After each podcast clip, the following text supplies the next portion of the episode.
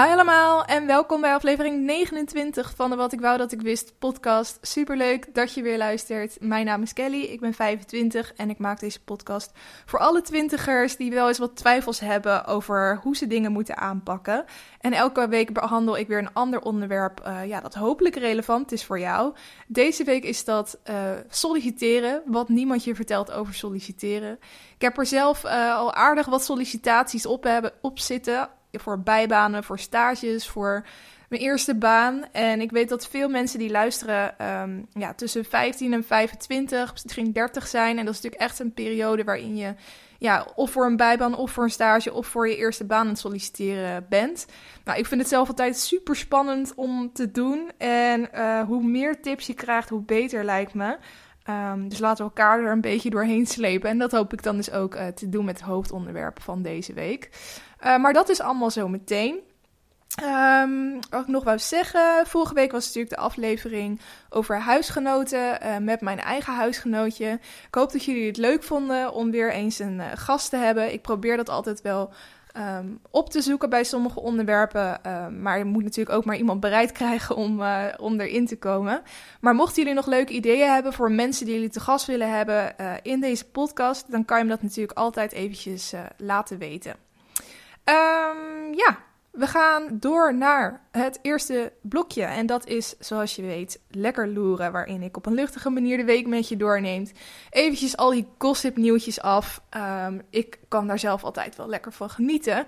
Uh, het eerste nieuwtje wat ik wilde bespreken is big news. Anna Nushin gaat trouwen. Ik was echt eventjes een beetje in shock toen ik dit nieuws hoorde. Um, het is natuurlijk nog niet zo heel lang geleden dat het uitging met haar vorige vriend. Dat was vorige zomer toen ze dat bekend maakte. En eigenlijk werd een aantal maanden later werd ze al gespot met haar nieuwe vriend. En die vriend die. Uh, ja, die, die, daar, daar ging het al gelijk heel erg goed mee. En volgens mij werd het in december, of in ieder geval eind 2018, echt bekendgemaakt. Dat ze het zelf ook bevestigden dat zij samen waren. Um, en nu is het dus april. Dus het is vier, vijf, vier à vijf maanden na uh, de bekendmaking dat ze wat hebben. Um, en nu kondigen ze aan dat ze gaan trouwen. Ja, ik vind het echt wel heftig hoor. Want zij had natuurlijk veer, volgens mij, correct me if I'm wrong, maar ik dacht dat ik het goed had onthouden dat zij 14 jaar met, met Danny had. Um, en dan zou je toch ook denken dat je op een gegeven moment wel een keer met je gaan trouwen. Dat ze gaan trouwen. Um, je weet natuurlijk niet of zij uh, daar allebei voor in waren, uh, of dat ze het daar überhaupt wel eens over hadden. Uh, maar om dan je eerstvolgende relatie, die er best wel kort op zit, om dan gelijk al te gaan trouwen. Um, ik denk dan wel alleen maar, het moet dan wel echt heel goed zitten. En waarschijnlijk was die vorige relatie dan ook al langere tijd in afloop, om het zo maar te zeggen. En het kan natuurlijk gewoon zomaar gebeuren dat de liefde van je leven opeens op je pad komt. En dat je gewoon gelijk weet: dit is het, uh, zo moet het zijn. Um, en daarom geef ik er ook zeker geen ongelijk om het huwelijksbootje in te stappen. Sterker nog, ik ben heel erg excited om al die trouwvideo's te zien. En ik hoop dat ze dat allemaal gaat vloggen, want ik ga er altijd heel lekker op. um, Maar ik kan me ook voorstellen dat het voor die Danny dus best wel een shock is. Hij had volgens mij ook ergens gereageerd. En toen, uh, ja, hij had een beetje cryptisch volgens mij omschreven. Wacht, ik ga het heel eventjes opzoeken hoor, wat hij nou precies zei. Oké, hij heeft gezegd, hij had dus een foto op zijn Instagram geplaatst. Gewoon een random foto van hemzelf. Met als onderschrift: Wanneer je het grote nieuws leest. Weet je, lieve mensen, jullie hoeven mij echt niet te taggen of te berichten. Laat me dit erover zeggen. Ik ben verantwoordelijk voor mijn eigen geluk en leef mijn leven vol met liefde en plezier. Ik heb altijd gezegd dat ik haar de wereld gun. Dan moet ik dit ook als mens respecteren, ook al weet ik beter. Ik zal mezelf nooit verliezen. Liefde. Dat die ene zin, er zit wel wat in, hè? Ik heb altijd gezegd dat ik haar de wereld gun. Dan moet ik dit ook als mens respecteren, ook al weet ik beter. Dus oftewel, ik wil het eigenlijk niet respecteren. Ik vind het eigenlijk niet kunnen. Maar ik moet het wel respecteren, want ik heb ooit gezegd dat ik dat zou doen. Weet je wel, op zo'n manier. Dus ik denk dat hij er wel mee zit, wat ook helemaal begrijpelijk is. Um, maar hij gunt het daar ook. Dus dat is dan wel, ja, toch wel weer iets moois. Genoeg over Anna Nushin. Um, nog zo'n uh, famous Instagrammer, YouTuber, Femke Louise. Misschien heb je het wel meegekregen. Dus er was een meisje en die had bier naar haar gegooid. Nou wordt er wel vaker bier gegooid naar überhaupt artiesten, maar ook naar Femke Louise. Ehm, maar meestal gaat het dan gewoon om een uh, plastic beker met bier erin, waardoor je nat wordt. Dat is vervelend, uh, het is kut, dat gebeurt, mag helemaal niet. Maar goed, het kan erger en dat was Femke Louise dus gebeurd. Um, zij kreeg een, uh, een flesje, gewoon echt een glasflesje, zeg maar, met bier, waarschijnlijk zo'n corona-ding of zo, naar haar hoofd gegooid door een meisje. En er was dus een degene die naast dat meisje stond, die filmde dat dus, dat dat flesje werd gegooid. Op een of andere manier heeft Femke dat filmpje gekregen. En die had het dus op haar Instagram gezet. Zo van dat het eigenlijk dus echt niet kan. Nou, dat was best wel opgeblazen, want nou ja, het groot gelijk, heel Nederland vond dat ook echt niet kunnen. Um, want ja, ze, werd volgens mij niet geraakt, Femke Louise. Of in ieder geval, dat zie je niet. Ze was in ieder geval niet gewond of wat dan ook. Maar stel, hè, stel hij komt tegen haar hoofd aan, glas in je oog, je weet het niet. Um, dus daar was best wel het ophef over. En toen bleek dus dat het meisje zelf, die uh, dus in de video te zien was, want ze was echt vol te zien in haar gezicht gewoon, ontzettend veel haat had gekregen hierdoor. Um, dus mensen hadden achterhaald wie ze was en hebben haar echt met de grond gelijk gemaakt op social media.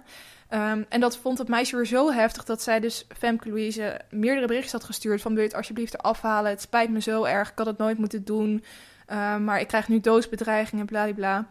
Um, maar waarschijnlijk uh, leest Femke er DM's niet, dus toen had ze het ook gereageerd op de video zelf. Uh, en toen hadden mensen weer zoiets van, ja, oké, dan moet het er eigenlijk ook wel af. En uiteindelijk heeft Femke het dus ook verwijderd.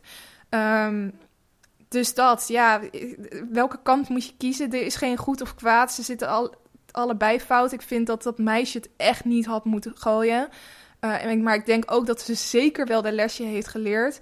En ik vind het ook goed dat het Femke het uiteindelijk verwijderd heeft. Um, want ja, je wil ook weer niet dat iemand volledige leven verpest wordt, dat dit nog haar blijft achtervolgen. Maar wel dat ze de lesje leert en dat heeft ze nu denk ik wel zeker gedaan. Dan door naar iets leukers. Dit weekend is uh, het weekend voor de Instagram celebrities van Amerika. Want uh, Coachella is weer begonnen. Coachella is een enorm groot festival in uh, Los Angeles, volgens mij. Het ligt dus in een soort woestijn daar vlakbij. En um, het is enorm groot en heel erg uh, commercieel, om het zo maar te zeggen. Elk merk is daar zo wel te vinden met een feest, met uh, dat ze uh, allemaal um, ja, bekende influencers uitnodigen. Um, drankjes worden er gelanceerd. Nou ja, echt alles. En eigenlijk loopt elke ja, artiest daar ook wel rond. Er komen ook hele grote artiesten optreden. Eigenlijk de grootste van de grootste, die staan daar wel. Um, dus het, ja, het, het is echt een soort droom. En zeker als je kijkt naar alle foto's die je op social media voorbij ziet komen van die influencers, dan denk je echt: wauw, dit is echt fantastisch. Um, en ik had eigenlijk ook al best wel lang de droom om er een keer heen te gaan. En elk jaar ben ik weer jaloers van dat ik er niet ben. Maar ik ben er wel een beetje van teruggekomen hoor. Want ik had bijvoorbeeld ook een artikel gelezen op ensemble.nl over de meest budgetversie van reizen naar Coachella. Um, en hadden ze dus op een rijtje gezet wat je dan betaalt voor een ticket. Uh, wat je, dus je vliegticket, zeg maar. Ticket voor het festival erbij. Nou, nog één overnachting die je nodig hebt. Uh, een tent daar, zo. En alles op en aan, met drankjes. Um, en als je dan de meest budgetversie zou doen, dan ben je alsnog... Volgens mij rekenen ze uit dat het 2200 euro was. Dus meer dan 2000 euro ben je sowieso kwijt ja, dat, ik weet niet of ik dat ervoor over heb hoor. Het is dan wel echt insane. En ja, die mensen die je allemaal op Instagram ziet, die zijn daar dus gewoon uitgenodigd. Die zijn daar gratis. Um, dus dat is toch wel even een, een andere versie. En het is natuurlijk allemaal ook een beetje nep. Dat moet je je wel beseffen als je al die plaatjes ziet. Het is alleen maar geconstrueerd. En uh, die mensen die het draait vooral om het maken van mooie plaatjes en minder om echt die festival vibe en vette muziek en dat soort dingen. Um, wat ik zelf ook heel relativerend vond was filmpjes op YouTube van mensen die dus naar Coachella zijn gegaan en dan vertellen hoe het echt is. Dus dat zo heet die titel dan ook van What Going to Coachella is Really Like of zo. Dus um, als jij hele erge FOMO hebt, dit weekend of volgend weekend, want volgend weekend is het dus ook weer, uh, dan kan je of de livestream kijken, want er is dus ook een livestream van. Maar even googlen, ik weet niet precies hoe je hem kan vinden, maar het moet te doen zijn. En uh, of je gaat gewoon kijken naar alle redenen waarom je niet naar Coachella zou willen, oftewel de prijs en uh, redenen waarom het niet leuk is. Dat uh, hielp mij in ieder geval heel erg. um, volgende nieuwtje, laatste nieuwtje. Dat is dat Game of Thrones morgen weer begint. Morgen is het zondag, ik neem dit op op zaterdag. En dan gaat dus het laatste seizoen van start. Ik had heel erg positief uh, ingesteld en bedacht dat ik alle afleveringen tot nu toe terug zou gaan kijken. En dat ik dan precies op dit punt klaar was met kijken. En dan dus in kon gaan, verder kon gaan met het laatste seizoen. Nou, die missie is aardig gefaald. Ik ben denk tot uh, eind tweede seizoen gekomen. En toen had ik al mijn Game of Thrones overload gehad. Want er gebeurt zoveel in die aflevering dat als je twee afleveringen hebt gekeken, dan ben je eigenlijk al een soort hersendood. Um, dus dat lukte me gewoon niet. Dus ik ga gewoon nog wat recaps kijken. Ik ga wel denk ik nog de laatste twee afleveringen kijken. Um, en dan beginnen met het nieuwe seizoen. En nu gaan we eindelijk erachter komen hoe het allemaal afloopt. Ik ben echt super benieuwd. Ik hoop dat jullie ook heel erg excited zijn. En als je Game of Thrones nog nooit hebt gezien, ja, er zitten draken in. Ja, er zitten aliens. Nou, niet aliens. Kelly moet je het ook wel goed zeggen. Um, nou, er zitten supernatural things in. Uh, sci-fi dingen. Alleen dat is echt een bijzaak eigenlijk. Er zitten zulke vette verhaallijnen in. Het is zo mooi gemaakt dat je het echt gewoon een keer moet proberen. Um, dus dat. Dat was het uh, lekker loeren blokje. Dan gaan we snel door naar het LKL'tje, waarin ik je lees, kijk en luistertips geef. Ik begin met de luistertip. Uh, vorige week toen hadden we het er ook over, uh, Annabel en ik, mijn huisgenootje en ik, over um, een podcast. En dat Brand in het Landhuis nu ja, echt een van de bekendste podcasts is. En ik dacht, ik was eventjes door alle podcasts die ik luister heen. Toen dacht ik, nou, ik ga toch een kans geven. En ik moet zeggen dat het wel heel erg pakkend is. Ik zit nu in aflevering 3, denk ik. En het is gewoon echt een soort hoorspel. Je wordt helemaal meegenomen in dat verhaal. Het gaat dus om een, uh, ja, een, een, journalist uit Amsterdam, opge, opgegroeid in Vught. En um, hij gaat eigenlijk terug naar Vught om een verhaal te achterhalen. Want toen hij opgroeide was er al het verhaal van ja, een bepaald landhuis daar zo. Um, en daar woonde een man en die man was altijd heel erg, um, nou ja, op zichzelf. En die wilde niks van andere mensen hebben, was altijd een beetje bozig. En uiteindelijk is dat landhuis dus met die man erin afgefikt. Maar er stonden allemaal schilderijen en um, geld. Had die man, die man was stink, stinkend rijk. En dat is dus allemaal verdwenen. En niemand weet precies waar dat is. En hij gaat dat dus eindelijk uitzoeken. En dan gaat hij bellen met mensen. En je hoort eigenlijk alles. Je hoort dat hij tikt. En nou, het is best wel grappig, want ik weet nog dat ik op de basisschool zelf ook een hoorspel na moest maken. En het bracht me weer een beetje terug naar die tijd. Alleen is dit natuurlijk een stuk professioneler. En um, ja, een hele leuke manier om zo'n verhaal te ontrafelen eigenlijk. Dus als je die nog niet hebt geluisterd, ga dat zeker doen. Het is eventjes heel wat anders dan bijvoorbeeld mijn podcast, maar juist daarom wel heel erg leuk voor de afwisseling. Uh, wat heb ik gekeken? Nou, ik heb heel weinig gekeken afgelopen week op mijn verslaving van Love Island uh, na. Maar daar heb ik al genoeg over verteld. Dus ik dacht, ik ga gewoon tips geven van dingen die ik zelf nog niet heb gezien, maar die binnenkort of nu uit zijn. Dus Game of Thrones heb ik al genoemd. Uh, ik heb het eerdere afleveringen al gehad over The Perfect Date, een nieuwe uh, Netflix-film met Noah Centineo. Die is sinds vrijdag uit op Netflix. Dus dat lijkt me echt een heerlijke film om dit weekend te kijken. Dus ga dat zeker doen. Uh, en Our Planet staat nu ook op Netflix. En dat is een super mooie natuurdocumentaire. Ik zelf val echt direct in slaap als ik het ga kijken. Maar ik ken een heleboel mensen die ja, dit, dit echt fantastisch vinden. Waaronder mijn vriend. Die vindt het echt. Die wil het liefst met mij die hele, dat hele ding kijken. Um, en ik vind het heel fijn om af en toe stukjes mee te kijken. Want het is zo mooi gefilmd. En het is ook onwijs leerzaam. En je krijgt echt weer wat meer respect voor onze natuur. En hoe dat allemaal werkt. En dat. Dat zijn dingen die je soms wel eens gewoon vergeet of voor lief neemt. Maar sommige dingen zijn zo insane dat je echt denkt: hoe, uh, ja, ik weet niet. Ik ga dan toch altijd weer nadenken over hoe we hier zijn gekomen. Uh, wie dit allemaal zo slim heeft gemaakt. Of het een wie is. Weet je, het is. Ik, zoals ik al eerder heb gezegd, ik ben niet per se gelovig. Um, dus ik denk wel dat het uiteindelijk allemaal.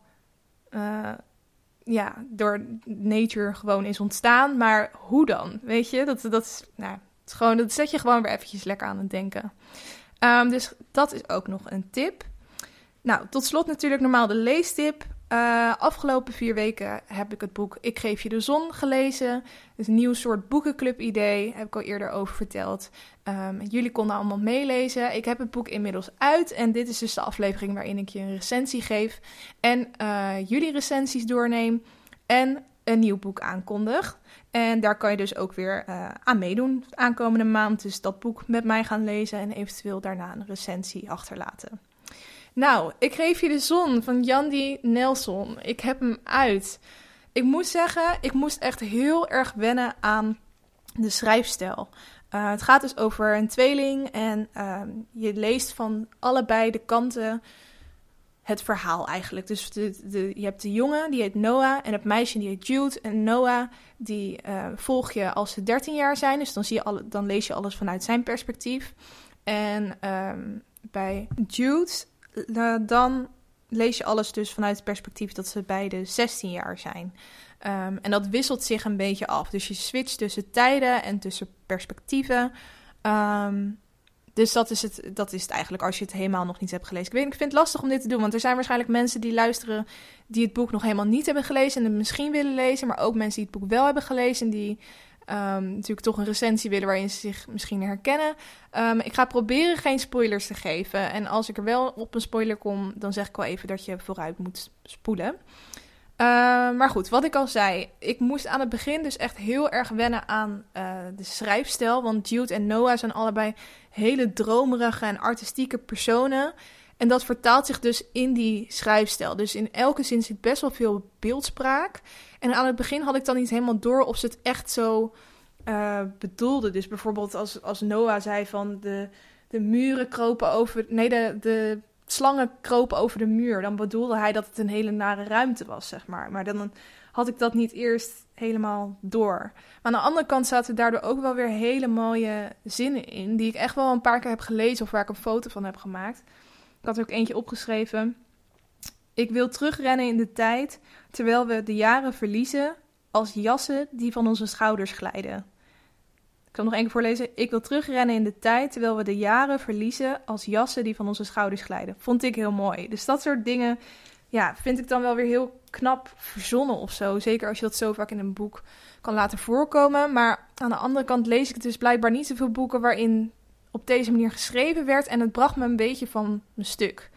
Um, ook de zelfportretten van Noah. Want hij is dus een, een, hij tekent heel graag. Dus elke keer als hij dan een in een bepaalde situatie ziet, zit, dan uh, heeft hij in zijn hoofd al, de tekening die, er, die hij ervan zou maken. Dus dan zie je tussen haakjes staan zelfportret, dubbele punt. Um, Noah klimt uit een steen, ik zeg maar wat. En dan denk je van, oh ja, dit, dit zou inderdaad een hele mooie tekening zijn van deze situatie. Maar het haalt je helemaal uit het verhaal. Dus op een gegeven moment merkte ik dat ik gewoon elke keer als ik dat zag staan, zelfportret, dubbele punt, dat ik het oversloeg. Omdat ik dacht, ja, ik, uh, anders dan weet ik al dat ik, dat ik gewoon een beetje afhaak. En hetzelfde geldt voor uh, bij Jude. Dan um, is de geest van de, van de oma bijvoorbeeld die, haar oma heeft heel veel bijgeloof. En elke keer dan staat er tussen haar tekst door een, bijgeloof van die oma. En Jude gelooft haar dan ook in en dan gaat ze dat toepassen. Maar ook bij die dingen dacht ik elke keer van ja, ik heb hier gewoon niet zoveel mee. En het haalt me heel erg uit het verhaal. Dus dat soort dingen, uh, daar moest ik eventjes doorheen. En soms heb ik het gewoon ook overgeslagen, omdat ik dacht ik wil gewoon door en niet te veel focussen op beeldspraak, op dromerige dingen, weet je wel. Ik wil gewoon de actualiteit weten. Um, wat ik ook wil... Nou ja, hetzelfde geldt voor het verdelen van de wereld. Jude en Noah gingen op een gegeven moment de wereld verdelen. Jij krijgt de zon en jij krijgt de bomen. Op dat punt dacht ik ook eventjes van... Wat fuck, waar gaat dit heen? Maar uiteindelijk aan het eind van het haal, verhaal... Uh, maakte dat op zich wel sens of zo. Um, en was dat juist weer een hele leuke rode draad.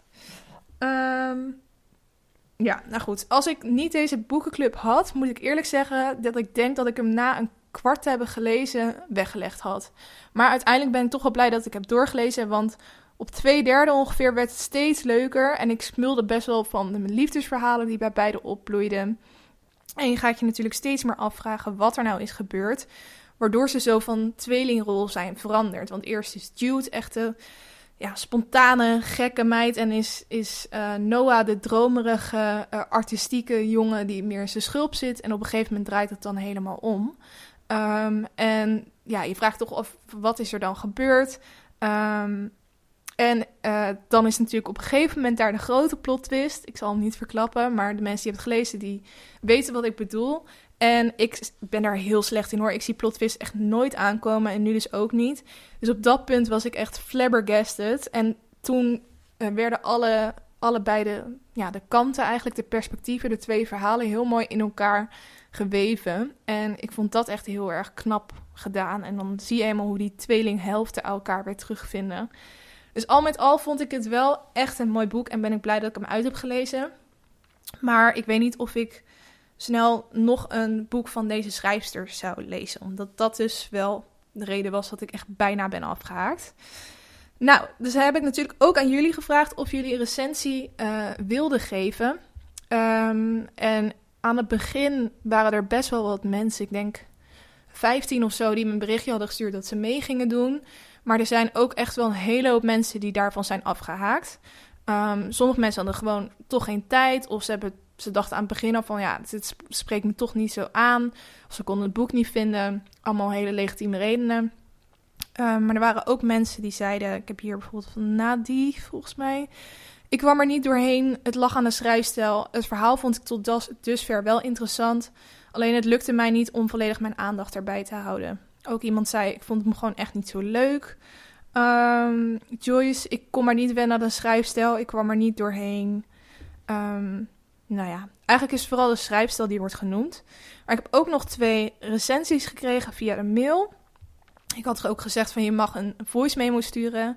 Um, dat is niet gebeurd, maar dat vind ik ook helemaal niet erg. Ik vind het ook prima om het gewoon geschreven te krijgen. En die zal ik eventjes voorlezen. Um, ja, jij gaf het al aan in eer. Dit is trouwens. Even kijken van Simone.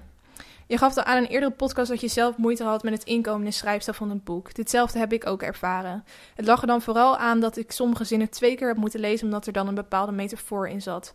Op een of andere manier was ik wel direct geboeid, ondanks zweverige stukken die erin zaten. Zoals de communicatie tussen Jude en haar oma en uh, dat ze ervan overtuigd was dat haar moeder boos was.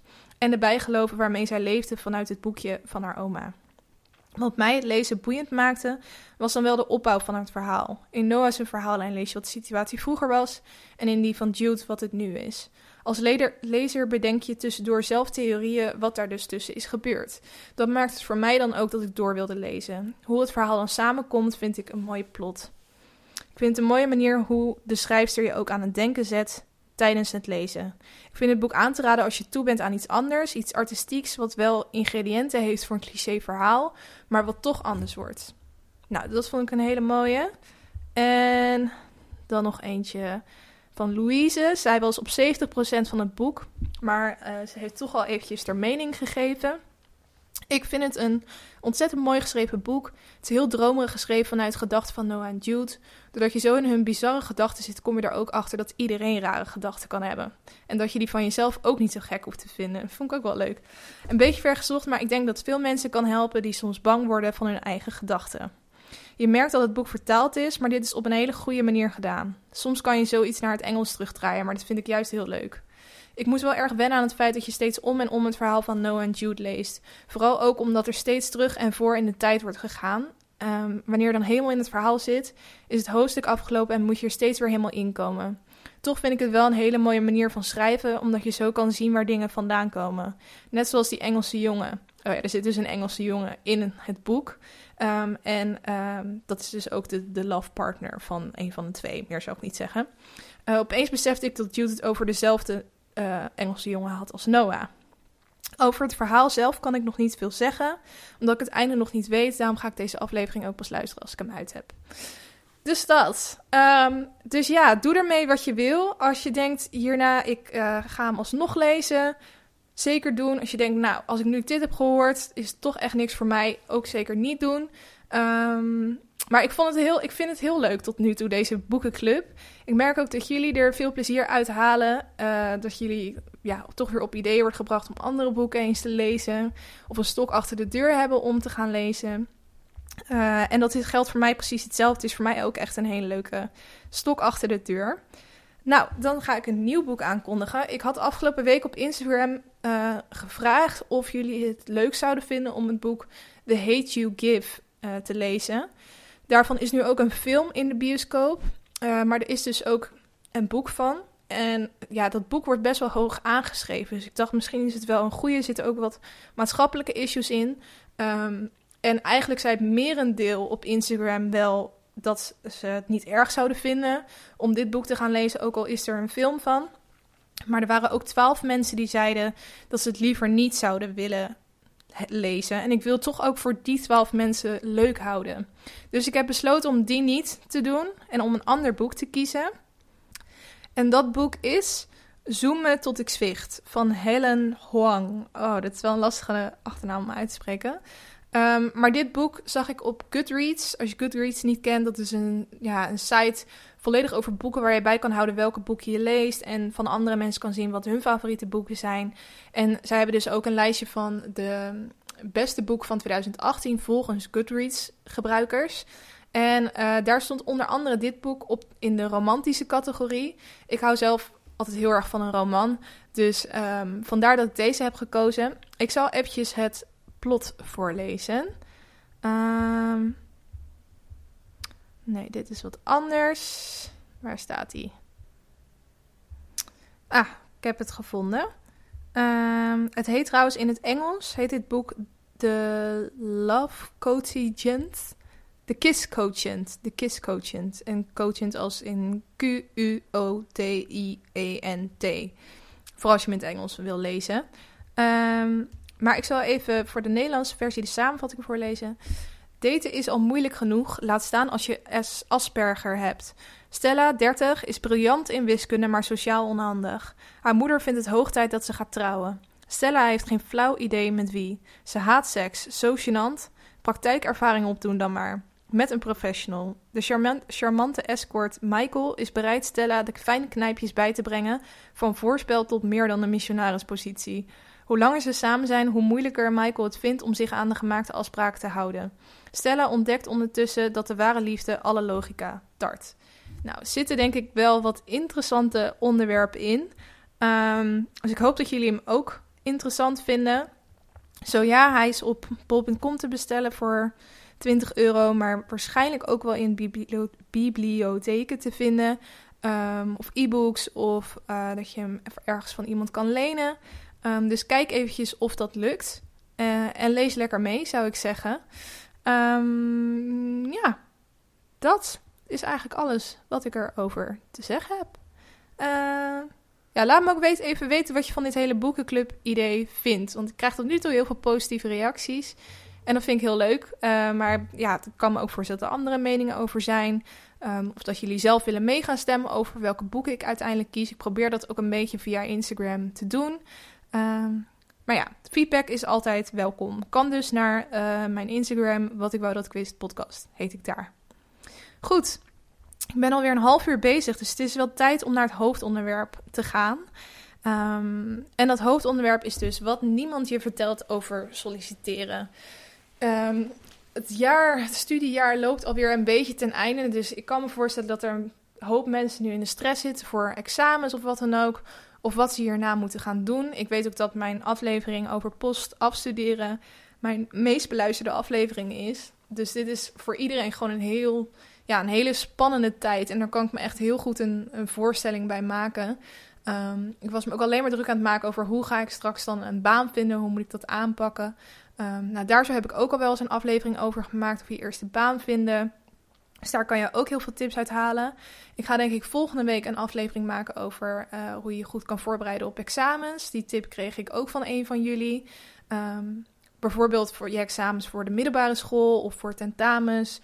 Um, op je studie, uh, wat dan ook. Dus daar, die kan ook nog handig zijn om te luisteren. Um, maar deze keer wou ik dus solliciteren behandelen. ja, dus het is natuurlijk echt een super spannend ding. Ik weet nog toen ik bij de Albert Heijn ging solliciteren voor een bijbaantje, dat ik al helemaal in de, de, stress zat. Ik kan gewoon heel moeilijk tegen dit soort situaties waarbij ik weet dat ik beoordeeld ga worden. Um, en dat ik dan in de praktijk iets moet gaan doen. Ik kan heel makkelijk dingen in mijn hoofd stampen en uiteindelijk op een papiertje schrijven. Maar als het aankomt op ja, soort praktijkexamen, beoordelingen, zoals eh, nou ja, je rijexamen, maar ook een sollicitatie face-to-face, dan uh, schiet ik toch altijd wel redelijk uh, in de stress. Um, ja, en dat begint natuurlijk al bij bijbaantjes.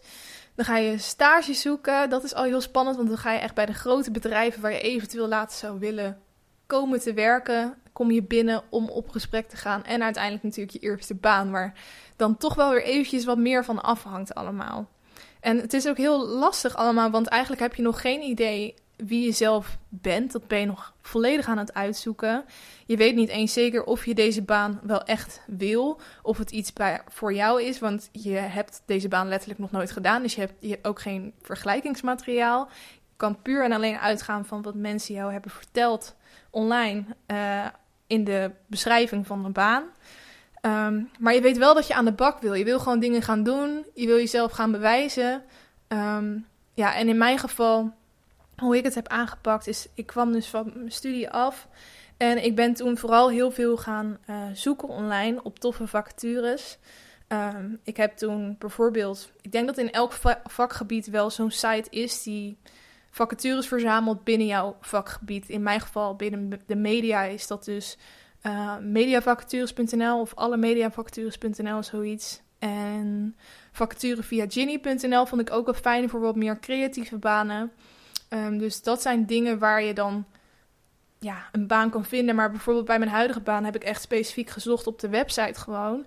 Want heel vaak staan dat de leukste vacatures niet eens op die verzamelsite. Maar zetten ze die puur en alleen op hun eigen site. Omdat, mensen, omdat ze weten dat mensen die dit echt willen toch wel gewoon naar hun website gaan.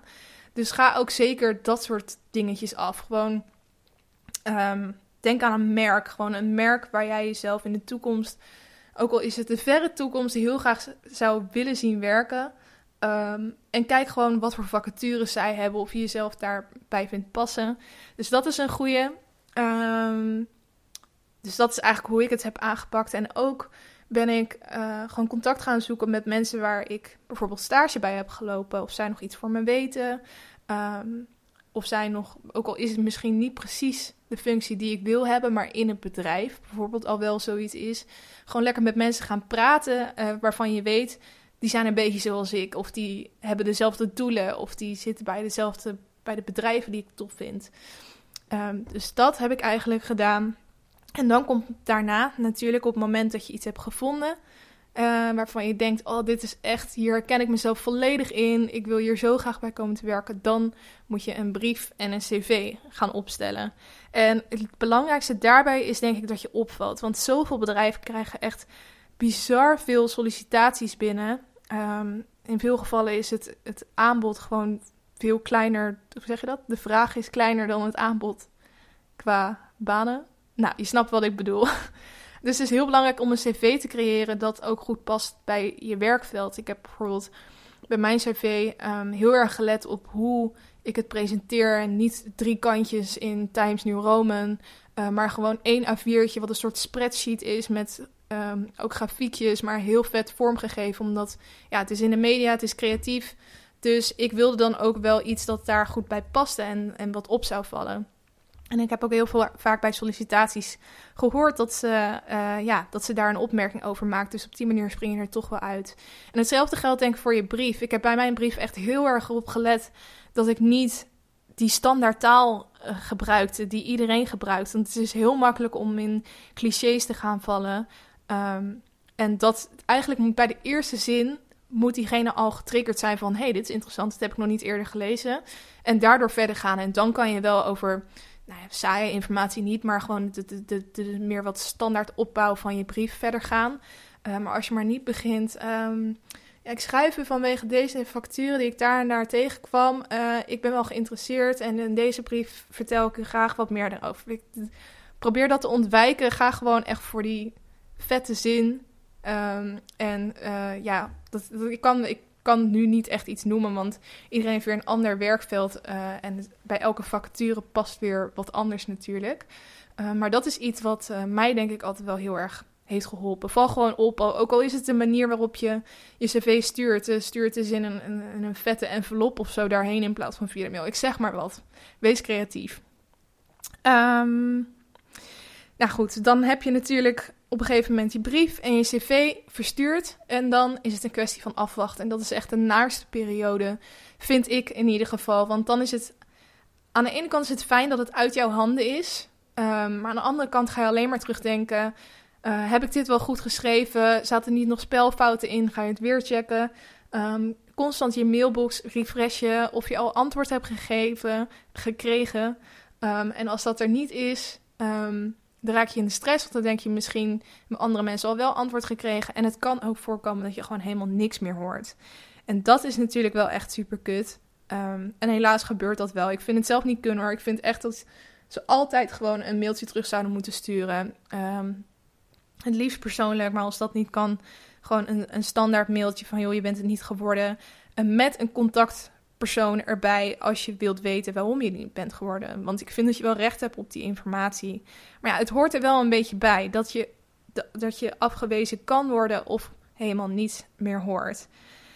Maar als je wel wordt uitgenodigd, dan komt daar natuurlijk het gesprek. Um, en dat, ik zei het al, dat was voor mij wel echt het heftigste altijd van elk proces, van stages, van mijn eerste banen. Um, ik denk dat ik elke keer als ik zo'n sollicitatie heb gehad, dat ik nog precies weet wat ik toen aan had. Ik weet nog precies van elk bedrijf waar ik gesolliciteerd heb, hoe de wachtruimte eruit zag, uh, van welke plantjes er op tafel stonden toe.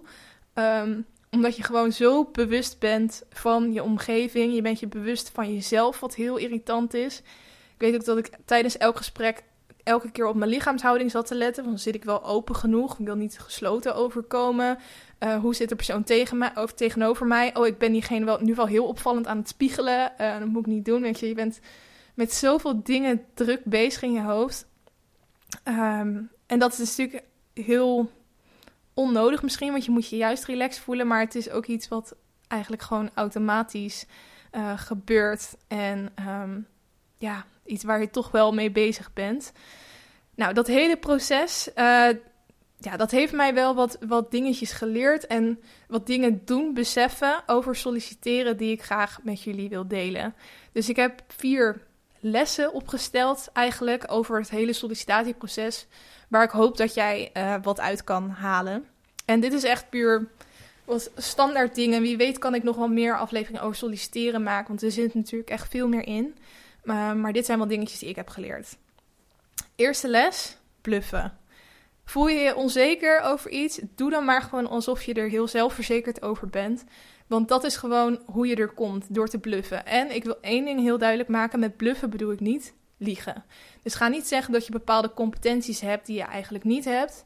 Um, maar zeg gewoon heel zelfverzekerd: ik kan dit heel goed. Ik ben hier echt fantastisch in. Op mijn vorige werk uh, sprong ik eruit omdat ik dit heel goed kan. En wees ook niet beschaamd om dat soort dingen te zeggen. Maar aan de andere kant, wees er ook zelfverzekerd over. Uh, over de dingen die je niet kan. Dus ga niet proberen onder tafel te schuifelen of zo. Dus schuifelen, zei ik dat? onder tafel te schuiven of onder het kleed te schuiven. Oh, ik kan niet meer praten. Um, want ik heb gemerkt, uh, en dit wist ik echt niet voordat ik ging solliciteren, want ik dacht echt, ik moet gewoon alle boxen aantikken uh, en zorgen dat mensen me fantastisch vinden. Maar ik heb echt gemerkt bij mijn sollicitaties dat wanneer ik zeg van, ze een vraag stellen van, kan je dit? En ik zeg gewoon, uh, nee, dat kan ik nog niet, maar ik sta er heel erg voor open om het te leren. Ik weet dat ik heel ligerig ben en het lijkt me fantastisch om dit op te pakken dat als je zo'n antwoord geeft, dat ze echt veel meer vertrouwen in je hebben dan wanneer je erover gaat liegen. Want ze hebben het gewoon door. Ze hebben gewoon door dat jij um, iets probeert te zeggen wat niet waar is. Dus als je dat gaat proberen, dan is de kans eigenlijk veel kleiner dat ze je aan gaan nemen, omdat ze je gewoon minder vertrouwen. Dus bluff, maar met mate, om het zo maar te zeggen. Uh, tweede les is probeer, ik zei het eigenlijk net ook al, maar probeer niet aan dat perfecte plaatje te voldoen. Natuurlijk, je bent daar gekomen met een reden. Um, omdat je jezelf goed bij die functie vindt passen. En je bent ook uitgenodigd met een reden. Omdat zij je in principe op papier goed vinden passen bij die functie. Maar een sollicitatiegesprek draait niet om bewijzen wat je allemaal kan. Want dat heb je al gedaan. Je hebt misschien een, een test gedaan vooraf. Je hebt je portfolio moeten sturen, wat dan ook past bij jouw functie. Um, je hebt je cv opgestuurd. Dus zij zijn eigenlijk al helemaal op de hoogte van wat jij allemaal kan. Maar dit gesprek is puur en alleen bedoeld. Oké, puur en alleen is misschien overdreven, maar voornamelijk bedoeld om te kijken of jij matcht als persoon. Dus ga daarop zitten. Ga proberen te matchen als persoon. Je moet je niet anders voor gaan doen dan je bent. Um, maar deze mensen die tegenover zitten, die moeten waarschijnlijk 40, 40 uur per week met je door kunnen brengen. Uiteindelijk, als jij het gaat worden. Dus probeer overeenkomsten te vinden. Weet je, ga niet gelijk uh, de diepte in met alles. Uh, maar probeer ook een beetje small talk tussendoor te doen. Of in ieder geval vooraf. En te kijken of je overeenkomsten hebt. Eventueel, als je zelfs al weet met wie je een gesprek gaat hebben, google ze even. Kijk of je toevallig dezelfde studie hebt gedaan. Ik zeg maar wat. En probeer dat een beetje in het gesprek te fietsen. Um, want uiteindelijk is een sollicitatiegesprek ook een beetje als, als daten. Om te kijken of je lekker matcht met elkaar. Of je een beetje dezelfde humor hebt. Of je een beetje um, nou, met elkaar overweg zou kunnen. Want dat is natuurlijk super belangrijk uiteindelijk.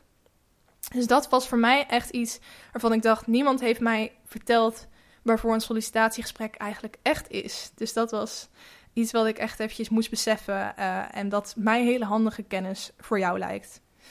Uh, les 3 sommige bedrijven, sommige mensen zijn gewoon ronduit kut. Ja, het, het hoeft niet altijd aan jou te liggen. Ik zei het net al, het is net als daten en er moet gewoon van beide kanten een match zijn. Dus het kan ook zijn dat je een gesprek hebt dat helemaal vastloopt en uh, waarbij je gewoon de match niet voelt. En uh, ik kan me heel goed voorstellen dat je je daar ontzettend onzeker gaat voelen en denkt dat er iets mis is met jou. Um, maar uiteindelijk komt het van twee kanten. Jij staat net zo goed in je recht als zij. En als er geen klik is, dan is het heel jammer. Maar uiteindelijk moet je gewoon blij zijn dat het zo is gelopen. Um, en hetzelfde geldt als je bijvoorbeeld helemaal geen antwoord krijgt van een bedrijf. Probeer dat dan niet op jezelf te betrekken. Weet je, jij staat ook. Jij hebt ook waarde dat je aan een bedrijf kan toevoegen. Dus het is ook hun verlies als zij jou niet uitnodigen of als ze niks meer van zich laten horen. Probeer dat echt zo te zien, want ik denk dat dat lastig is als je heel vaak wordt afgewezen voor iets. Maar um, ja, jij, hebt, jij bent niet voor niets, uh, uh, heb je dit mooie cv al op kunnen bouwen. Um, dus besef ook wat je waard bent. Les 4. Ik zei dat er, vijf zouden, eh, dat er vier zouden worden, maar ik heb er vijf opgeschreven, zie ik nu. Um, les 4. Lukt het nou niet om die baan te vinden? Ik ken mensen die echt uh, maanden achter elkaar hebben gesolliciteerd en helemaal in de put raakten daardoor. Um, leg niet zoveel druk op jezelf. Weet je wel, lukt het nu niet, dan lukt het later wel. En ik snap natuurlijk dat dat makkelijk is om te zeggen, want er zijn veel mensen die ook gewoon um, op het moment dat ze uh, gaan solliciteren, uh, echt een baan nodig hebben voor het geld. En uh, bijvoorbeeld niet meer bij een ouders wonen of ondersteund worden of wat dan ook. Ja, dan, dan is het heel belangrijk om een baan te hebben. Maar als het gaat om die droombaan, je krijgt die droombaan maar niet binnen, je hebt er echt alles aan gedaan, lukt het nu niet, dan lukt het later wel. Leg die druk er niet zo hoog op. En weet je, als je ook kijkt naar social media, mensen posten alleen over het moment dat ze juist die vette baan binnen hebben gehaald. Ze posten niet over die twintig keer dat ze niks hebben gehoord nadat ze hun cv motivatie hebben toegestuurd. Of die tien keer dat ze helemaal excited waren voor een gesprek. En uh, dat ze daarna opgebeld werden, dat ze afgewezen werden. Dat soort momenten, dat zetten mensen niet op social media. Vinden ze niet leuk om te posten. Maar het moment dat ze een vette baan binnen hebben, dat dan weer wel. Um, dus probeer je dat ook te beseffen op het moment dat je je ongemerkt toe gaat, gaat vergelijken met andere mensen die wel al een baan hebben, die wel al zijn gekomen waar ze wilden komen. Um, iedereen heeft zijn eigen pad. En uh, ja, ik, ik heb het al eerder gezegd, maar ik geloof heel erg in, in het lot en dat sommige dingen gewoon zo moeten lopen zoals ze lopen. Dus probeer daar ook vertrouwen in te hebben. Um, en tot slot, les nummer 5. Is het uiteindelijk wel gelukt? Want ik heb nu vooral gezegd over dingen die niet lukken. Maar het kan natuurlijk zo zijn dat je uh, een fantastische cv motivatie hebt ingestuurd. Dat die mensen excited zijn over jou. Dat ze jou hebben uitgenodigd voor het gesprek. En in het gesprek klikt het ook nog eens lekker. Jullie matchen goed met elkaar. Um, dan is er natuurlijk het punt dat jij denkt: yes, ik heb hem binnen. Ik ga gelijk mijn contract tekenen. Ik ga het gelijk overal op social media posten. En um, natuurlijk snap ik dat je dat gelijk wil doen. Maar dan sta je, sla je eigenlijk een hele belangrijke stap over.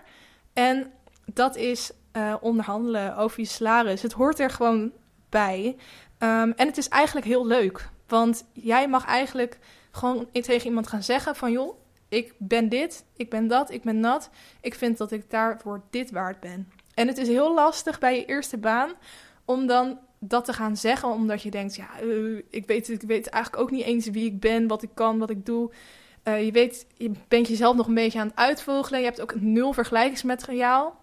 Nou ja, ga dan gewoon eventjes inventariseren hoeveel je waard bent, bijvoorbeeld online. Je hebt hele handige tools waarin je in kan vullen wat voor studie je hebt gedaan. Um, of in ieder geval, ja, de baan waarvoor je gaat solliciteren, wat voor soort baan dat is, in wat voor soort bedrijf dat valt, um, wat voor functie je gaat aannemen. En dan rolt er eigenlijk een bedrag uit, of een bedrag tussen twee bedragen, zeg maar.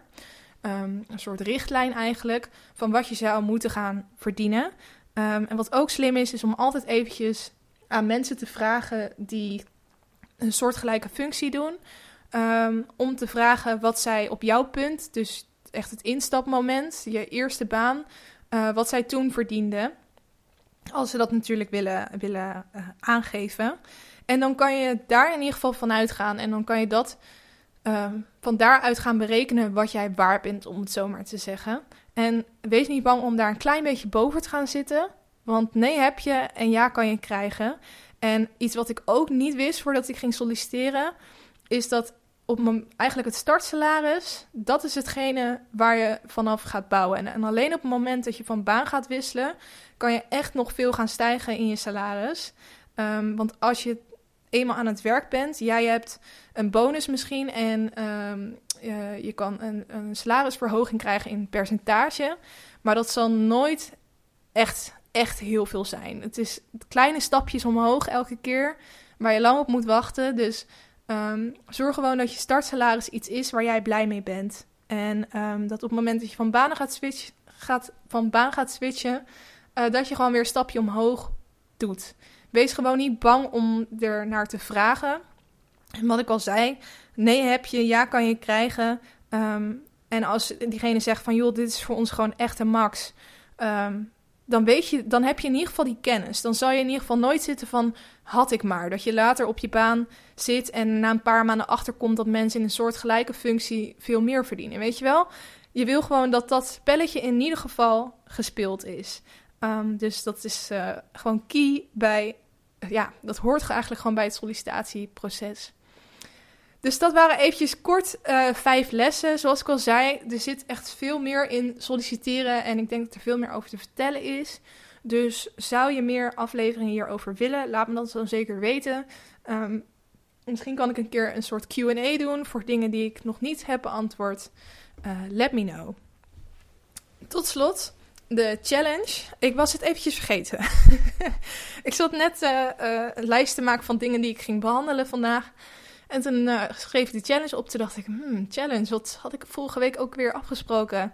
Uh, en toen bedacht ik me dat ik uh, in de huisgenotenaflevering had gezegd dat ik een uitje met mijn huisgenoten zou organiseren. Heb ik dus helemaal niet gedaan. En dit is pas weer het eerste moment dat ik er weer aan denk, eigenlijk sinds die opname. Slecht, hè? Um, dus die blijft op mijn lijstje staan en ga ik gewoon volgende week aftikken. Dus um, ja, ik zal jullie volgende week daarover updaten. Maar ik ga natuurlijk ook een nieuwe challenge aan mezelf geven. Ik ben begin juni jarig en uh, dat nadert al best wel snel. Dat is zeg maar over anderhalve maand al. En ik raak daar altijd een beetje van in de stress, want ik, wil, ik hecht gewoon altijd best wel veel waarde aan mijn verjaardag. Ik vind het gewoon een, een mooi moment om eventjes stil te staan. En ik wil het ook altijd heel graag goed vieren. Um, en ik ben in dit jaar in het weekend jarig, dus dat is de uitgelezen kans om er echt iets tofs van te maken. Alleen ik heb nog geen idee wat. Ik heb familie en ik heb vrienden. Wil ik uh, gewoon een, een, een verjaardag bij mij thuis doen, dat ze het allemaal om tafel gaan zitten? Of wil ik uh, een activiteit gaan doen op mijn verjaardag? Of wil ik s'avonds gaan stappen met vriendinnen? Ik heb echt nog geen idee gewoon. Um, dus ik moet dat eventjes gaan bedenken, want ik weet dat mezelf dat wat meer rust zou geven. En iets waar ik zelf ook altijd in trap, is dat ik pas een week voor mijn verjaardag bedenk: oh, ik moet ideeën hebben. Want dan gaan mensen vragen: wat wil je hebben? En dan weet ik niks. Terwijl ik drie maanden daarvoor allemaal shit heb gekocht. ehm, die best wel veel kosten, die ik makkelijk voor mijn verjaardag had kunnen vragen. Dus mijn plan voor aankomende week is om een verlanglijstje te maken. Of in ieder geval een begin. Gewoon notities in mijn mobiel of zo. Die ik dan af en toe wat. Ja, daar waar ik dan af en toe wat dingetjes bij kan zetten. En om een plan te maken uh, voor mijn verjaardag. Wat ik wil gaan doen. In ieder geval. Om dat in ieder geval vast te hebben staan. Als je, als je nog tips hebt voor echt een vet idee om te doen op je verjaardag, let me know. Want ja, ik, uh, ik weet niet. Ik vind het altijd weer een lastig ding. Elk jaar. Laat ik het zo zeggen. Uh, ja, dat was de aflevering van deze week. Ik hoop dat je het weer interessant vond. Um, ik heb het vorige week al even gezegd, maar er zijn podcast awards. Super tof. Op podcastawards.nl kan je nu je favoriete podcast nomineren. Er is nog geen stemlijst. Je kan echt nu nog nieuwe podcast nomineren. Um, en dat mag je natuurlijk altijd doen. Voor die van mij, hint, hint. Uh, nee hoor, ik, uh, ik verplicht je tot niks, maar ik zou het super leuk vinden om um, in ieder geval in het lijstje te komen staan. Dus uh, ja, als je dat wil doen, heel graag. Podcastawards.nl, um, daar kan je dus nomineren. Oké, bedankt voor het luisteren. Ik wens je weer een fantastische week toe en tot volgende week. Doei doei!